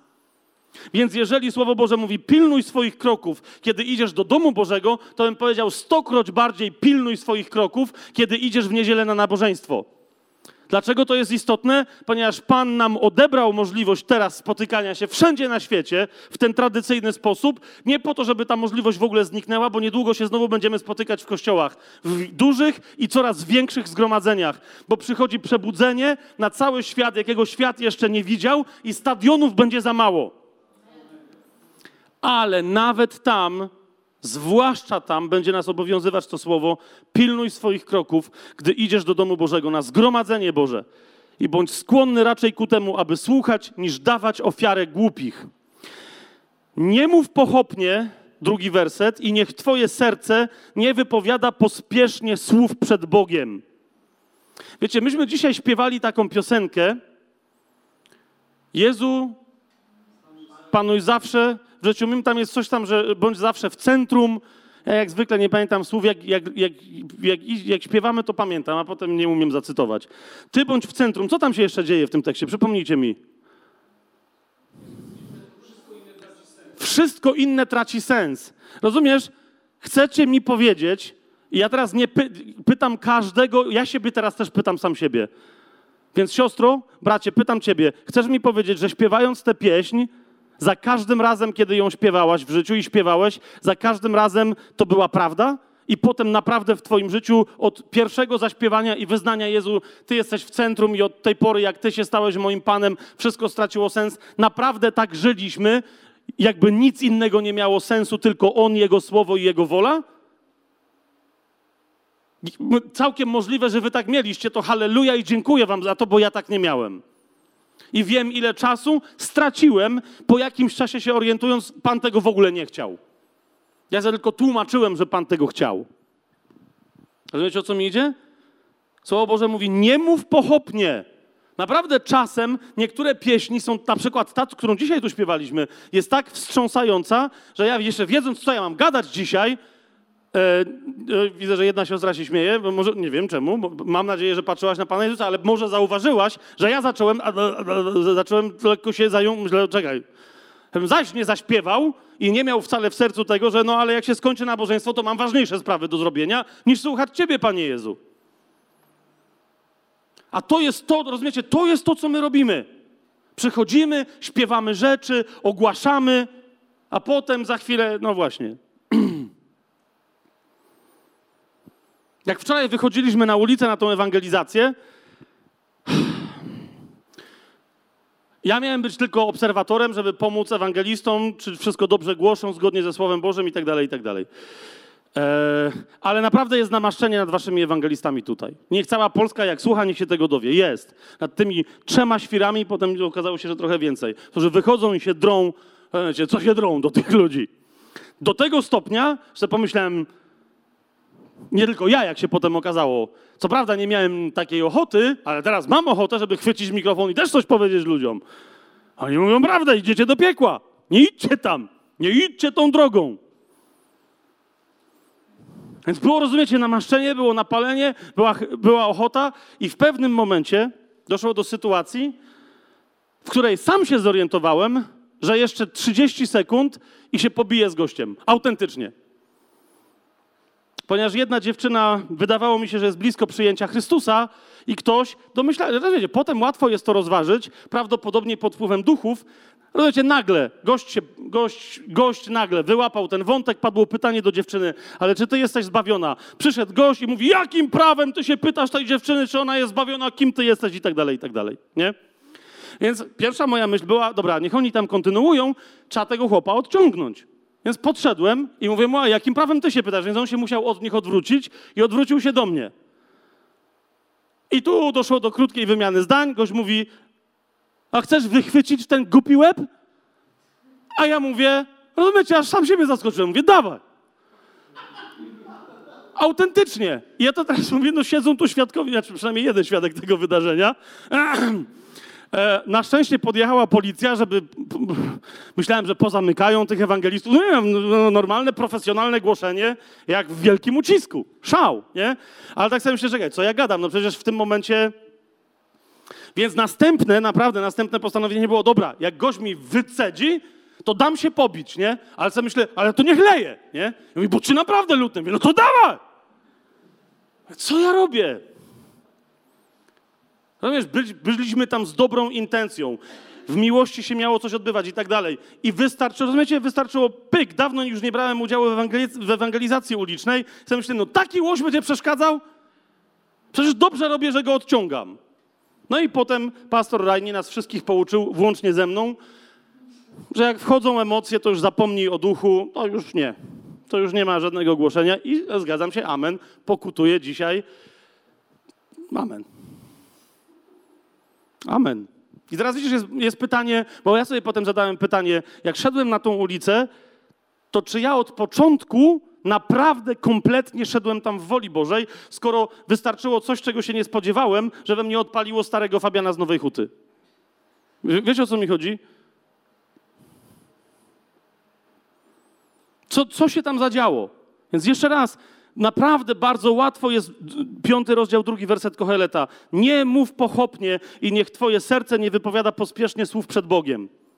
Zwłaszcza jeżeli coś ślubujesz, mówisz, Panie, Jezu, Ty jesteś moim Panem. To jest najważniejsze, jedyne ślubowanie chrześcijanina. Czwarty werset. Gdy złożysz Bogu jakiś ślub, nie zwlekaj z jego wypełnieniem, gdyż w głupcach on nie ma upodobania. Cokolwiek ślubujesz, wypełnij. I dalej zobacz szósty werset. Nie pozwól, żeby twoje usta przywiodły do grzechu twoje ciało i potem nie mów przed aniołem, że to był błąd. Tu chodzi dokładnie o to, mówisz przed Bogiem, Panie, ja dla Ciebie wszystko. To mówi, bo potem staniesz przed aniołem osądu, którym może być na przykład przełożony przywódca w kościele, bo to jest posłaniec, który nie musi być koniecznie duchem. I wtedy co powiesz? No nieopatrznie, za bardzo się pospieszyłem, no, za, za szybko powiedziałem. I Biblia mówi, to nie gadaj. Nie gadaj, naprawdę lepiej nie zaśpiewaj jakiejś piosenki, niż żebyś pochopnie ją zaśpiewał, a potem się bał, że umrzesz. No to rozumiesz, to powiedz, hej, módlcie się za mnie, bo się boję, że umrę. Więc to jest jeden z przykładów tutaj, ale przyznam, że nie do końca Księga Kaznodziei wyjaśnia, co to jest ofiara głupich. I Mnóstwo moglibyśmy na ten temat mówić, ja tylko chcę się odwołać do jednej, jednego konkretnego wątku, który jest istotny dla nas pod Nowym Przymierzem. Najpierw przyjrzyjmy się w pierwszej księdze Samuela zawodnikowi, który ma na imię yy, Saul, czyli Szaweł. W pierwszej księdze Samuela, w trzynastym rozdziale, wszyscy myślę, że roz, pamiętają historię Saula, tak? On był namaszczony na króla Izraela. Amen? Czy był plan, że ma, że ma być zastąpiony przez innego króla? Nie, nie było takiego planu. Ale w pewnym momencie Saul zrobił coś bardzo potwornego w Bożych oczach, tak bardzo, w, w Bożych oczach tak bardzo potwornego, że Pan powiedział, namaszczam innego króla. Bo, bo, bo, przyjacielu, bo tak nie może być. Jak zapytam, nie będę was tu pytał, bo to wszyscy wiedzą, tak? Ale normalnie jak zapytasz chrześcijanina w kościele, co takiego zrobił Saul, Szaweł, Szaul, jak tam chcecie go nazywać, co takiego zrobił, To rozumiesz, że ludzie nie wiedzą i co jest ciekawe, po nauczaniu na ten temat mijają dwa tygodnie i sobie zapominają. To jest bardzo, bardzo ciekawe. Dlaczego? Ponieważ, ponieważ z punktu widzenia człowieka, który jest religijny, Saul nie zrobił nic złego. O to chodzi. I dopóki serce chrześcijanina pozostaje w ukryciu religijne, nie widzi, on mówi, no okej, no rozumiem tę historię, ale nie podoba nam się to, co zrobił Bóg. Dlaczego? Dla, naprawdę? O taki drobiazg poszło? On zrobił wszystko to, co więcej, powiedział prorokowi, który do niego przyszedł, mówi, ja zrobiłem wszystko, co mi Pan rozkazał, a on mu powiedział, nie wszystko zrobiłeś. Jednego drobiazgu nie zrobiłeś, pominąłeś go. I on mówi, no to mój Boże, no to drobiazg.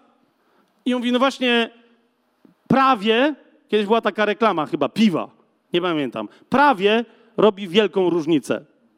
Ok?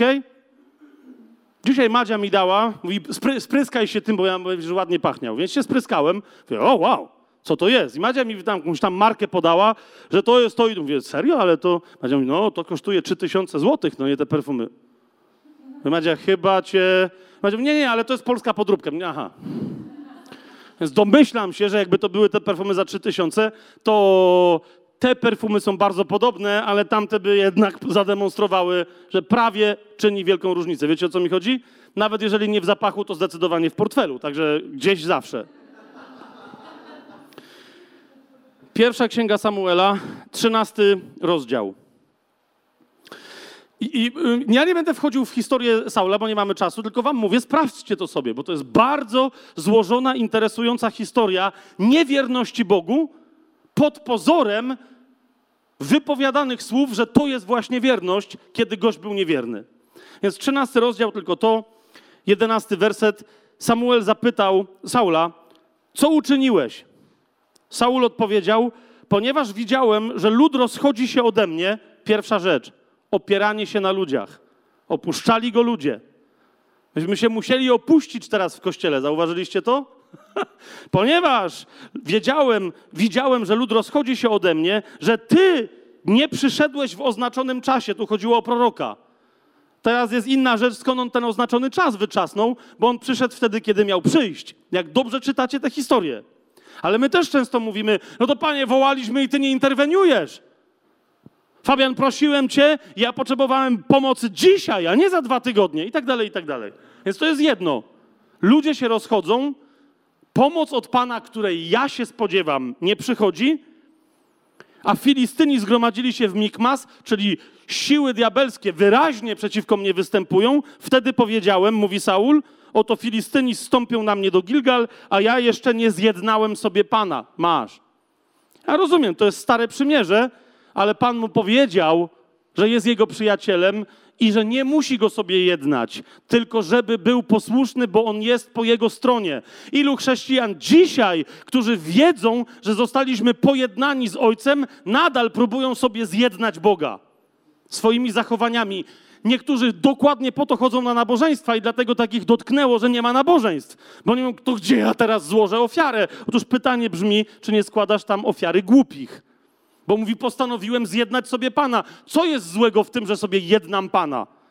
Otóż to jest złego, począwszy od najbardziej oczywistej kwestii, że jeżeli Pan nie jest Twoim wrogiem, jest Twoim przyjacielem, to kiedy Ty mówisz o swoim przyjacielu, że musisz go sobie dopiero zjednać, to mówisz o swoim przyjacielu, że dalej jest Twoim wrogiem. Więc kłamiesz na jego temat, oczerniasz go, doprawiasz mu gębę do tej cudownej twarzy, o której dzisiaj mówiła i się modliła moja żona, błogosławionego oblicza, które za nas tyle oddało, całe swoje piękno, także stało się szkaradne.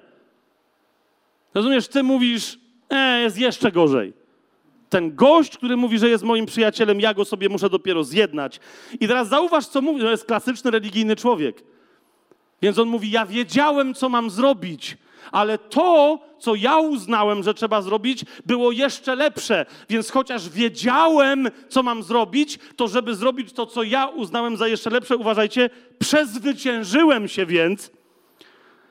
Kapujesz, tu jest gość, mówi: Zaparłem się samego siebie, żeby zrealizować swoją wolę.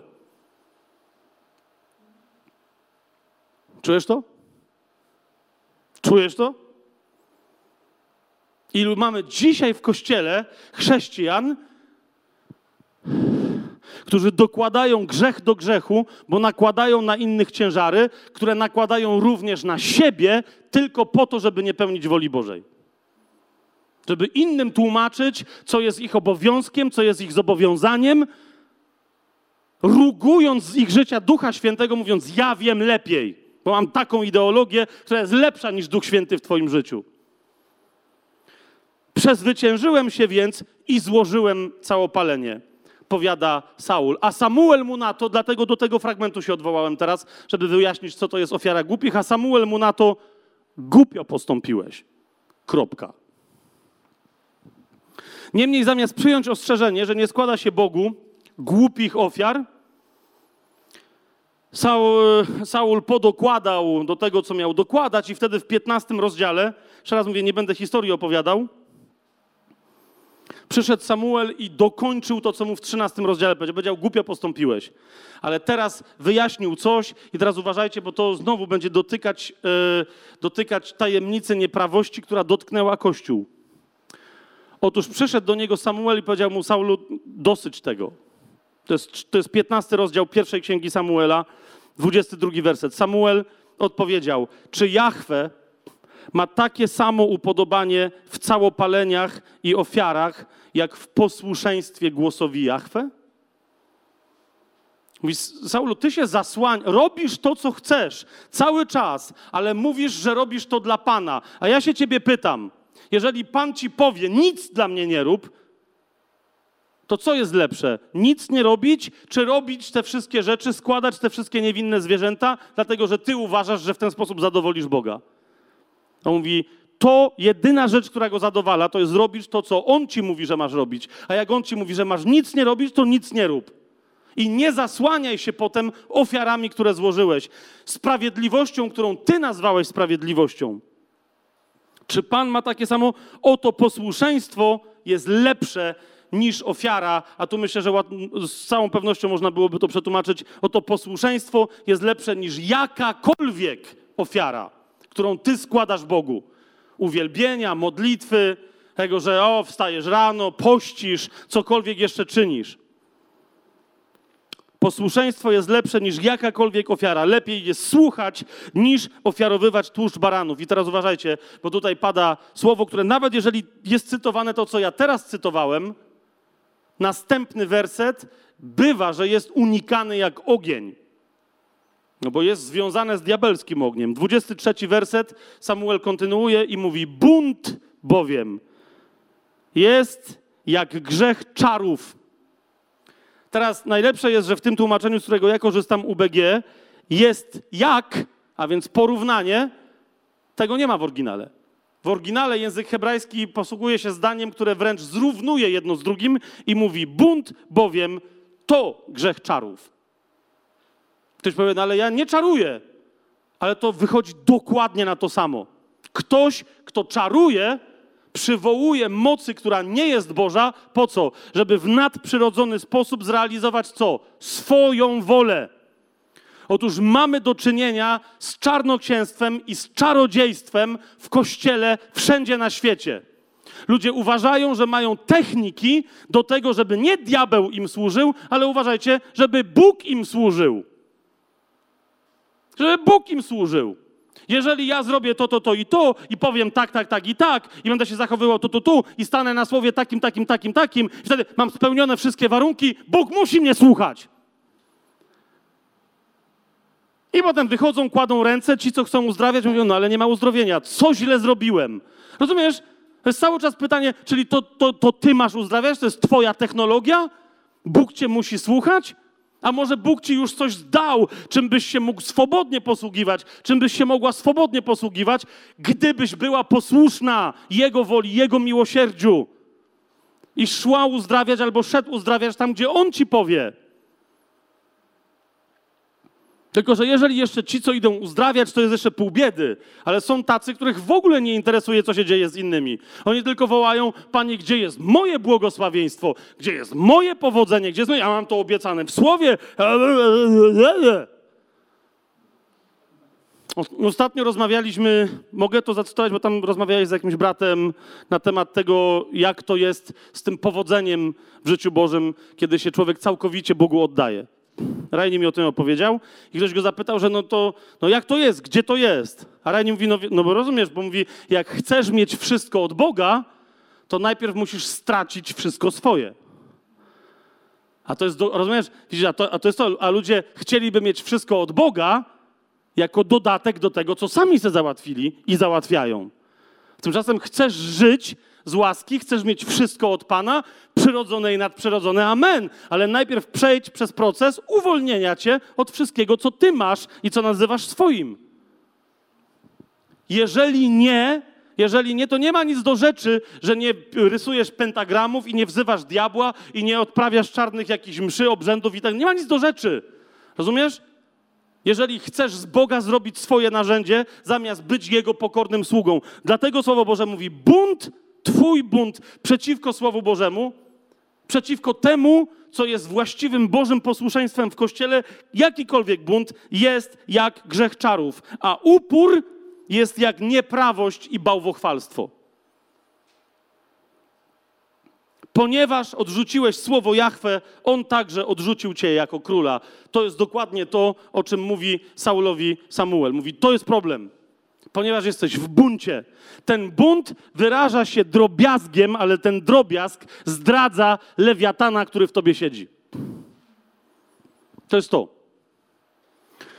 Albo manipulacja pochodząca z ducha Jezabel, albo nieposłuszeństwo, bunt i czary, które są zawsze związane z tym tasiemcem, który wlazł w jelita ciała Chrystusa i go trawi od środka, z tym smokiem przebrzydłym, który w porównaniu z ogromem ciała Chrystusa jest pasożytem tylko takim jak tasiemiec, ale nadal jest tam i nas po- pozbawia większości tego, co Pan nam daje jako pokarm, bo On się troszczy o swoje ciało i daje nam pokarm we właściwym czasie. On, Chrystus, jak mówi list do Efe- Efezjan w piątym rozdziale, swoje ciało żywi i troszczy się o nie.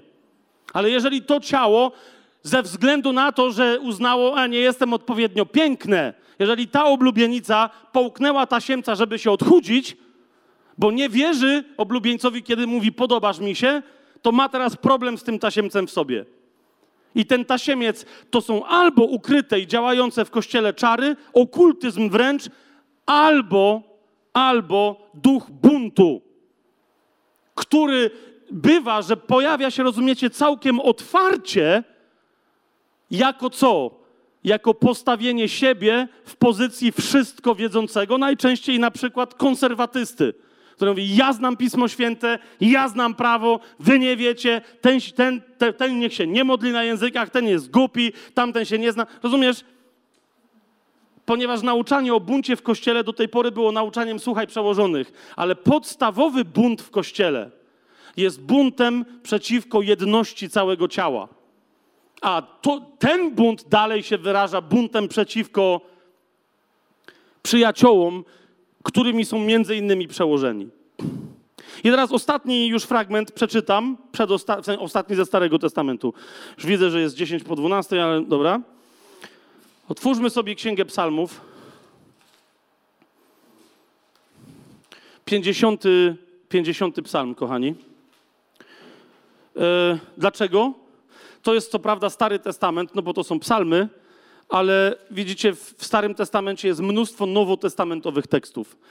I, I wystarczy, że ktoś zna 53 rozdział Izajasza i się zgodzi ze mną, albo Psalm 22 i się zgodzi ze mną, że to są nowotestamentowe teksty od początku do końca, nie mające nic wspólnego ze Starym Przymierzem. Otóż Psalm 50, kochani, jest nowotestamentowym tekstem.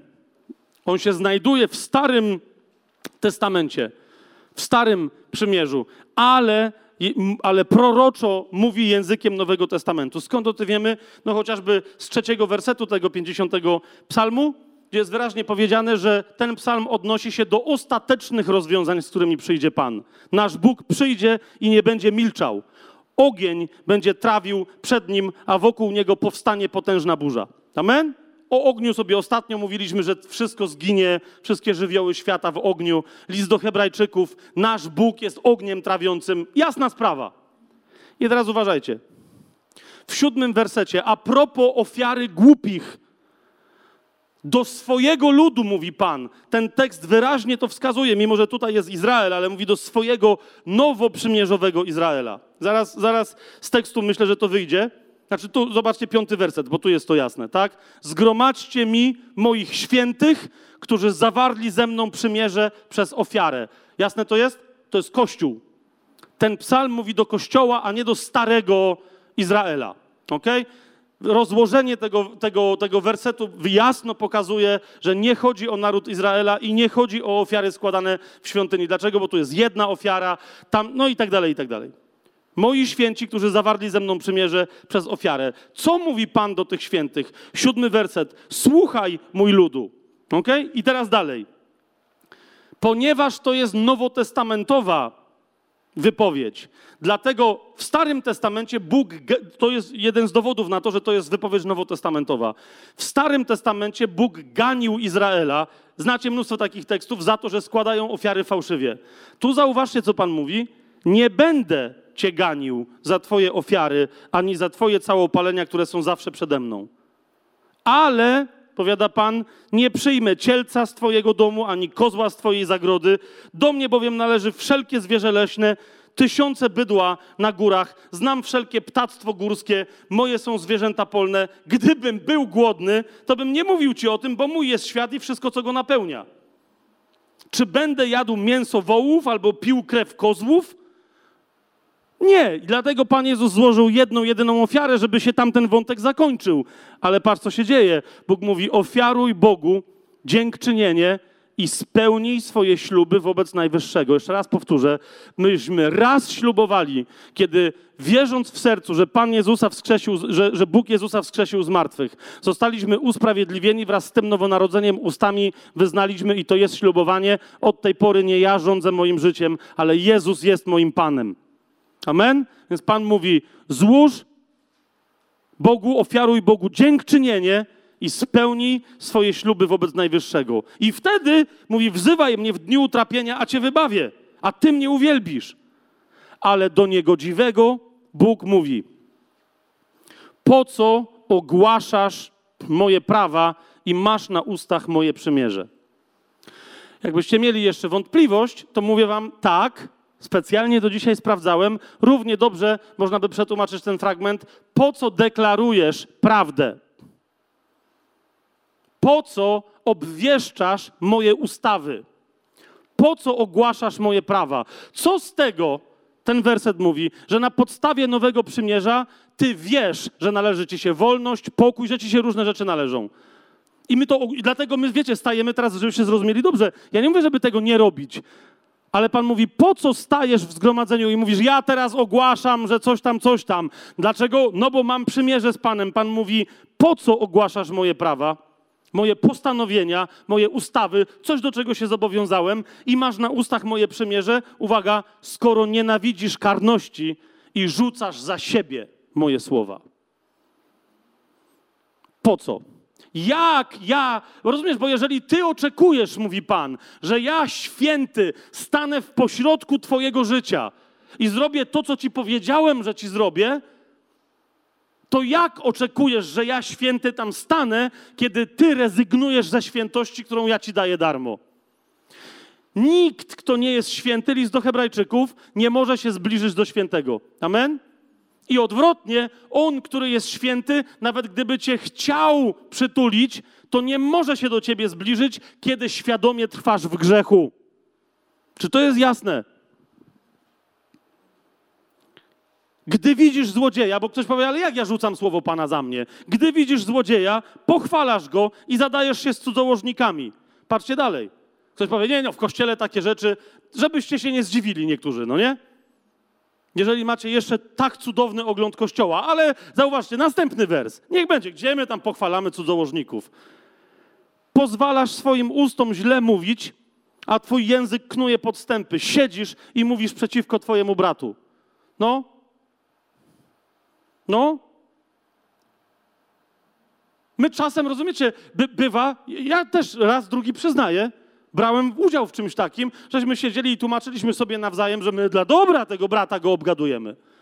Bo my strategię ustalamy, jak mu pomóc. No ale potem się pocieszyliśmy, wiemy, hambosy, rozumiesz, nikt mu nie pomógł.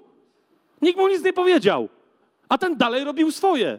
Nie robił dobrze, ale chodzi mi o to, że rozumiesz, myśmy go obgadali, wcale mu w niczym nie pomogliśmy. A Pan mówi, to jest bunt. To jest rzucanie moich słów za siebie.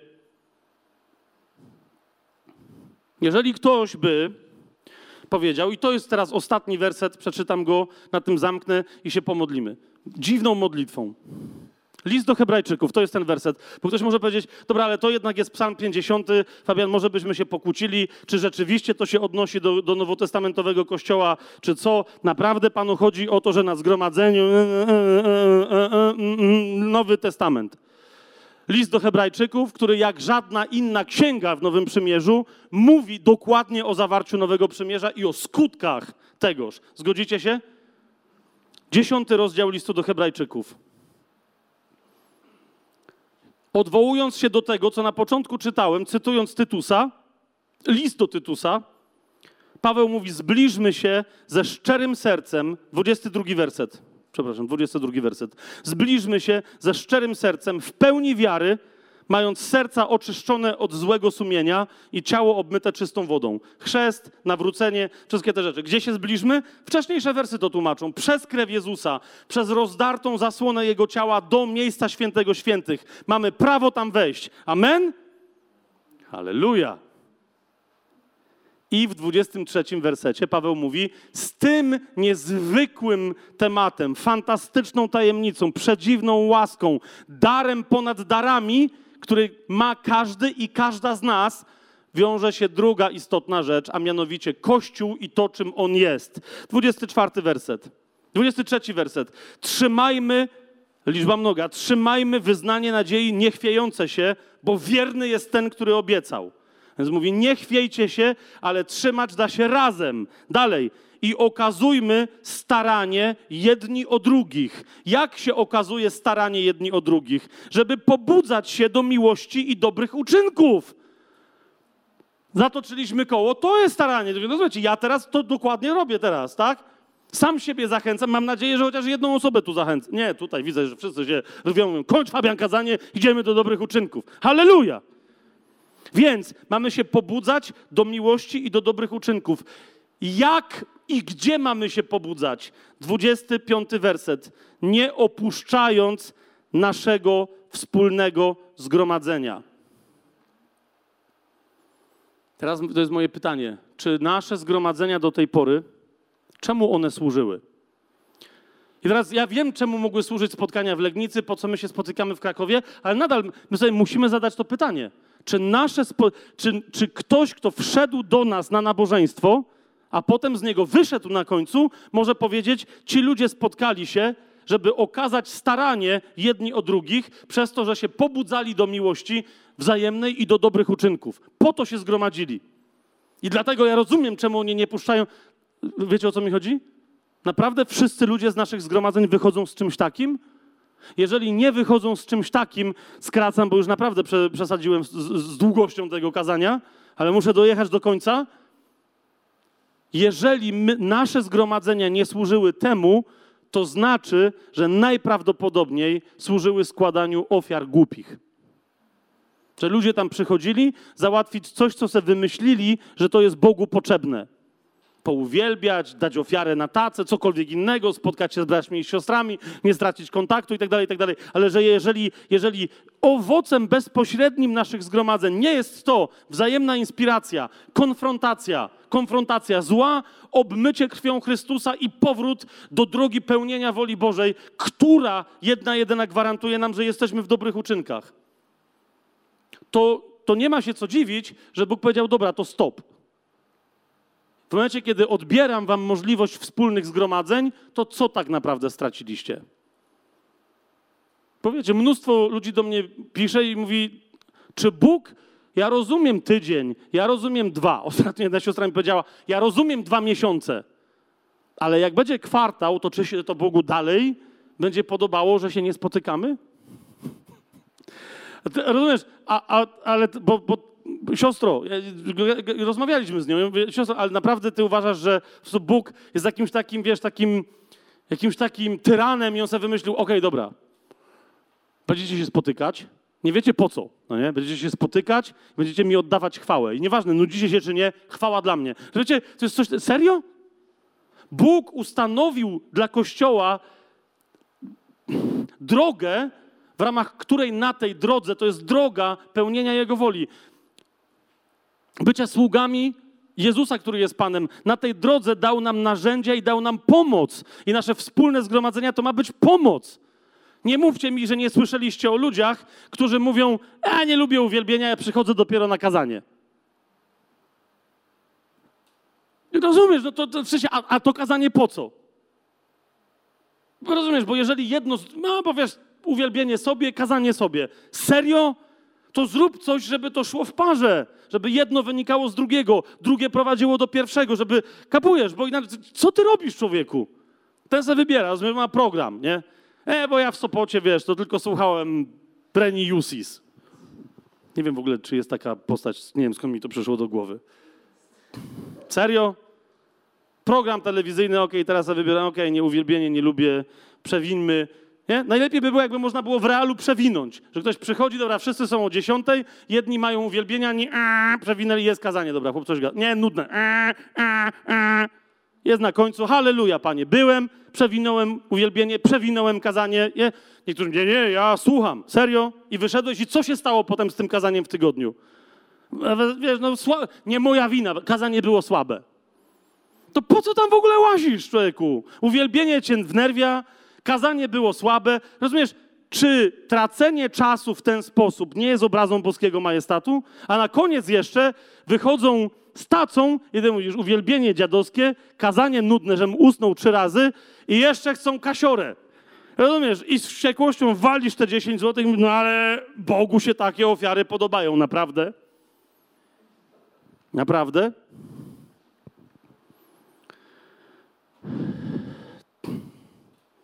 Nie opuszczając, 25 werset, naszego wspólnego zgromadzenia, jak to niektórzy mają w zwyczaju. Więc nie opuszczajcie, ale mówi, spotykajcie się, gromadźcie się. Po co? Aby się zachęcać nawzajem. I to tym bardziej, im bardziej widzicie, że zbliża się ten dzień. Im bardziej widzicie, że zbliża się ten dzień. Ja teraz kończę. Będzie to krótka modlitwa, którą zaniosę. Nie przyłączajcie się do mnie, wysłuchajcie, co powiem na tej modlitwie, i dopiero jak skończę, to powiedz amen. Niech to będzie gromkie amen, jeżeli się zgadzasz, ale jeżeli się nie zgadzasz, niech to będzie gromka cisza. Ok? Panie, dziękuję Ci,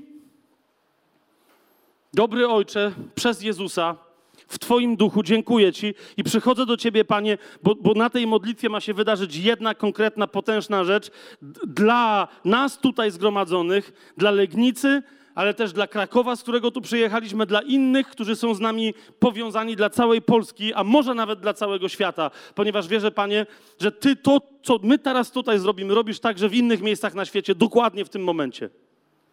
Więc Panie, przychodzę do Ciebie nie na mocy jakiejkolwiek mojej zasługi, bo nie mam, tylko i wyłącznie na mocy zasług Twojego Syna, Jego życia, Jego śmierci, Jego zmartwychwstania, na mocy Jego wstawiennictwa, bo On zasiada obok Ciebie, Panie, na Twoim tronie i mówi, i na mocy wszystkiego, co wysłużyła nam Jego święta, drogocenna krew. Ojcze, dziękuję Ci za tą kwarantannę, którą dałeś Kościołowi wszędzie na świecie, żeby skonfrontować nas osobiście z tym, czy rzeczywiście jesteśmy już wolni od lęku przed śmiercią i czy służymy Tobie, czy nadal pokątnie służymy też diabłu.